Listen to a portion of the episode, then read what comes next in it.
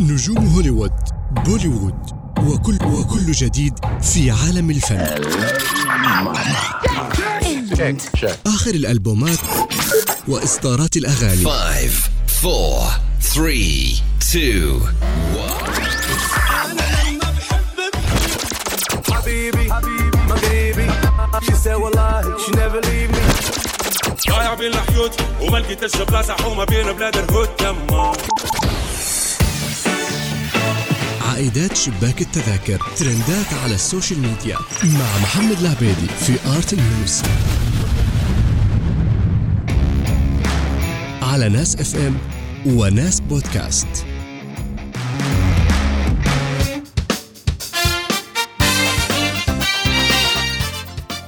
نشرة 104 Art News. معاكم محمد العبيدي. أهلا وسهلا بكم. في مفاجأة للوسط الفني والجمهور أعلنت النجمة المصرية شيرين عبد الوهاب عقد قرانها من الفنان المصري حسام حبيب. وكان هذا من خلال برنامج الحكاية مع عمرو أديب. وصرحت شيرين أن عقدت قرانها على حسام يوم الجمعة الماضي واعتبرت شيرين عودتها لحسام سحابة صيف ومرت وطي لصفحة خلافاتهم الشهور اللي فاتت. وأضافت شيرين أنها قررت التنازل على القضية ضد خوها محمد عبد الوهاب وأنها ناوية تفتح صفحة جديدة بعيدا عن كل اللي فات. من خلال برنامج آه، بتاع حضرتك. ترجع تاني وأقول لك آه، يعني آه، هتنازل عن آه، أي حاجة أنا كنت عاملاها آه، لمحمد سيد عبد الوهاب. طبعا لأني أنا ما أقدرش آه، أعمل كده. أنا أنا أنا أنا شيرين اللي, اللي قلبها متسامح وهيفضل متسامح لأن أنا قلبي كده ومش هعرف أغيره.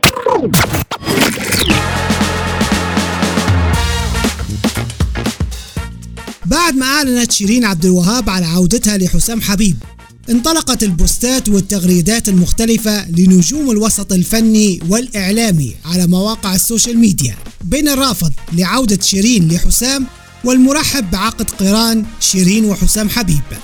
ومن بين النجمات المصريات اللي علقت على هالموضوع النجمة والممثلة المصرية ياسمين ريس اللي كتبت بوست ليها على صفحتها على إنستغرام وقالت بقيت بقرف منك ومش محترماكي من النهارده. أما الفنانة المصرية سمية الخشاب فنزلت بكل جهدها بعديد من البوستات على صفحتها الخاصة على الفيسبوك واللي علقت فيه على عودة شيرين عبد الوهاب لحسام حبيب. ومن بين هالبوستات بوست ليها يقول حبايب قلبي ما تتعاطفوش مرة تانية مع أي حد يتنازل على كرامته وتفضلوا تحرقوا دمكم على الفاضي. انت بتعرفي انه كل جمهورك خسرتيه انت بتعرفي انه مش بس جمهورك اصدقائك ما بقى يوثقوا فيكي؟ انت بتعرفي انه سقطتي من عيون ناس كتير؟ امبارح جزء كبير من النجوم عبروا من خلالنا عن طريق عن طريقة دعمهم لشيرين واليوم سمية الخشاب وعلاء مرسي كمان حبوا إنه يوجهوا لها رساله دعم عبر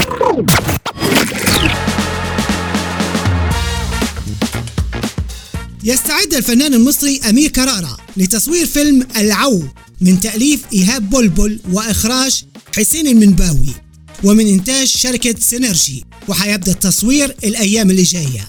وحيشارك أمير في بطولة الفيلم ياسمين صبري وباسم سمارة. وكان آخر أعمال الفنان أمير كرارة مسلسل العائدون لرمضان 2022 وآخر افلامه فيلم كازابلانكا واللي حقق إيرادات قياسية وصلت 85 مليون جنيه مصري وهو من إخراج بيتر ميمي.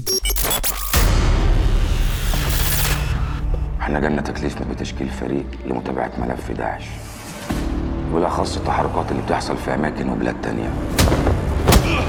النار اللي بتتكلم عنها دي لو سيبناها هتسرح لحد ما تحرق في عيالنا وفي بيوتنا وفي بلدنا كمان. الشغلانة دي مداني الفرصة إن أنا أعرف أشوف مصر من جوه بتفاصيلها. أنت عايز تدخل جوه عمق داعش وتحرر واحد من رجالتنا في ساعتين ونص. وأقل من ساعتين ونص كمان يا نبيل. حد الله في أبوك بإيديك. إحنا اعلاميين مش قتالين قتلة. إحنا أصحاب قضية. إحنا بنحارب الخطر بالنيابه عنكم من زمان. أنا لو بقى ان أنتوا تساعدونا مش كده ولا إيه؟ نجاح المهمه في مصر بتهمنا كتير. بتجيبوا أي حدا له صله بأبو مصعب. بدي إياهم عايشين.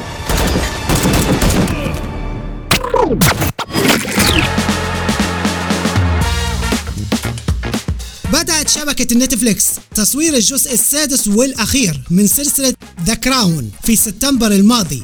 واللي دور أحداثها في التسعينيات من القرن الماضي إلى الألفينيات من القرن الحالي. وتم عرض المسلسل يوم 9 نوفمبر الحالي. وتم اختيار الممثل الفلسطيني سليم ضو لتجسيد شخصية الملياردير المصري محمد الفايد والممثل المصري أمير المصري لتجسيد دور الفايد في مرحلة الشباب. Everyone is delighted with the new profile, ma'am, which they feel to be an elegant reflection of Her Majesty's transition from young woman to Old bet? settled sovereign. Hmm. Just the tiniest changes. A great many changes. Nothing one can do about it.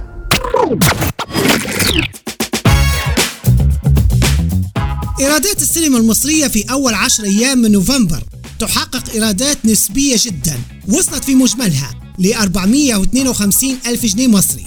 ومنها الأفلام تسليم أهالي وهاشتاج جوزيني وتحت تهديد السلاح. فمثلا فيلم حسن رداد تحت تهديد السلاح جمع إيرادات 175 ألف جنيه مصري. وفيلم هاشتاج جوزيني جمع إيرادات 95 مليون جنيه مصري. وفيلم فضل ونعمة جمع إيرادات 100 ألف جنيه مصري. فيلم أشباح أوروبا جمع إيرادات 13 ألف جنيه مصري. فيلم تسليم أهالي جمع إيرادات 16 ألف جنيه مصري.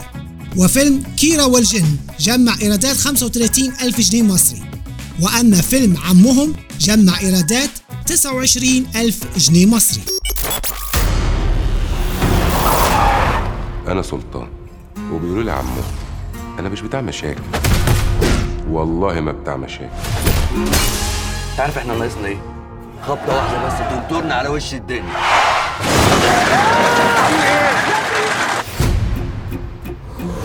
المهمة دي المفروض ناس تانية خالص اللي تقوم بيها.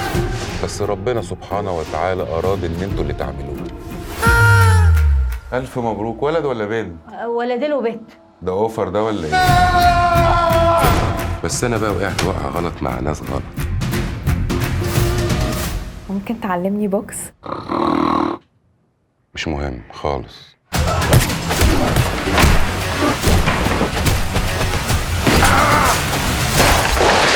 مش هينفع تخش. ليه يا سلطان مش هينفع؟ أصل سعيد جوه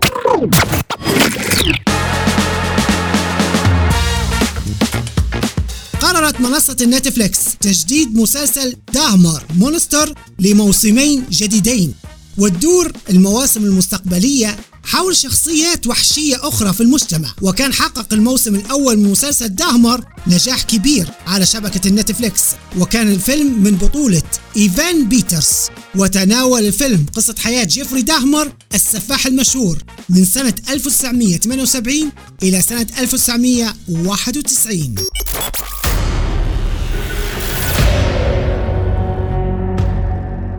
this is Glenda Cleveland. Can you send an officer to the Oxford apartment? Somebody is either being hurt or killed. What do you want me to do, Miss Cleveland? Your job. Can I listen to your heartbeat? I want to hear your heart.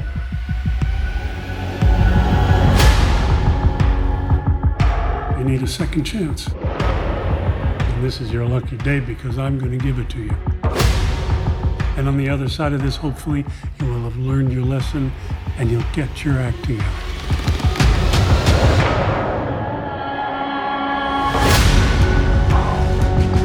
This man tried to kill me.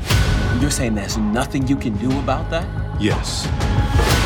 I called you for months. For months. Somebody is people don't count. No matter what we do, they never listen. So you're saying that one of the victims had actually managed to escape, and two of your officers escorted him back to Dahmer's. Wait, wait, wait. You, you, you, you're just gonna let him?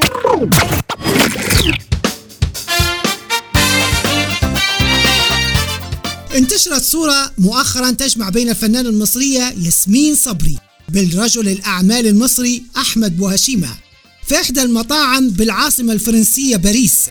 وكانت هالصورة اللي ما تأكدش من صحتها أثارت الجدل والكلام على عودة ياسمين وابو هشيمة على خلفية عودة شيرين عبد الوهاب لحسام حبيب.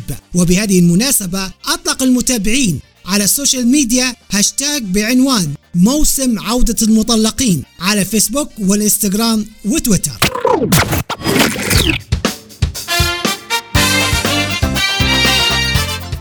انتشر بقوة الأيام الماضية هاشتاج مصر مش عايزاكي إليسا على مواقع ال social media المصرية.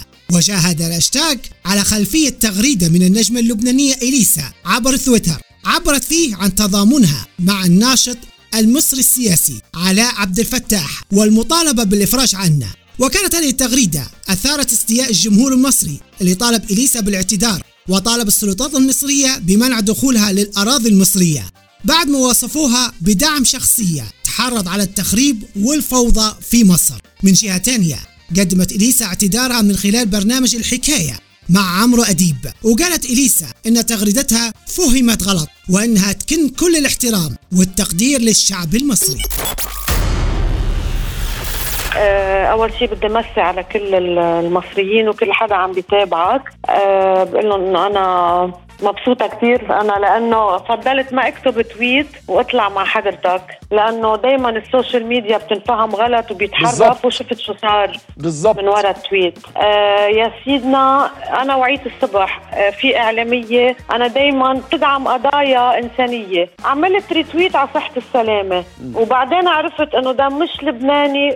يعني من غير تفاصيل إمتى الريتويت اكزاكتلي exactly. فولا ممكن بعد ما عرفت قصة الشاب إنه أقدر أنا أعمل تويت وهو موجود وبعد ما عرفت شو عامل للجيش يعني ولا ممكن. يعني بتأسف انه إنه ينقال يعني يحطوني بخانة إنه عم بيهاجموني إنه أنا ولا بقى قلت ما بسمح لحالي. أنا إذا بلدي ضد الحزب وضد الناس الغير شرعية ولا بمصر أنا مع الجيش ومع كل قرار بياخده لأنه باصين الشرعية بمصر وعلى أراضيها. أنا بفتخر ببلد مثل مصر بانجازاته وبشعب وجيش ورئيس عظيم على اللي عم بيقدموه لمصر. وإن شاء الله يخلص السوء التفاهم هون ويفهموا الكل إنه أنا ولا ممكن أغلط بأي شيء خاصه بمصر ولا ولا ممكن. تداول رواد مواقع التواصل الاجتماعي مقطع فيديو غريب من حفلة الفنان العراقي صيف نبيل. في سلطنة عمان ويظهر فيه حركة غير أخلاقية أقدمت عليها إحدى الفتيات وتظهر في المقطع إحدى المعجبات وهي تخلع ملابسها الداخلية وترميها على المسرح. أثناء غناء صيف نبيل لكن رجال الأمن منعوا من وصول الملابس الداخلية إلى خشبة المسرح من جهته ما علقش النجم العراقي سيف نبيل على الحادثة. قدمت النجمة اللبنانية نوال الزغبي والنجم اللبناني وائل كفوري. حفل غنائي ناجح. في إمارة الشارقة بدولة الإمارات العربية المتحدة وقدموا مجموعة كبيرة من أجمل أغانيهما. وحضرت النجمة اللبنانية نوال الزغبي بكامل أناقتها وجمالها المعروف عنها. لكن الحفل شهد تصريح غريب عن تراجع نوال الزغبي عن دعم شيرين عبد الوهاب. من خلال تصريحها لوسائل الإعلام أنها كانت نوال الزغبي تدعم شيرين في أول أزمتها لكن حاليا تراجعت عن دعمها. لأن شيرين تنازلت عن كرامتها وأهانت نفسها. وأضافت نوال الزغبي أنها حاليا لغت متابعة شيرين عبد الوهاب من على مواقعها على ال social media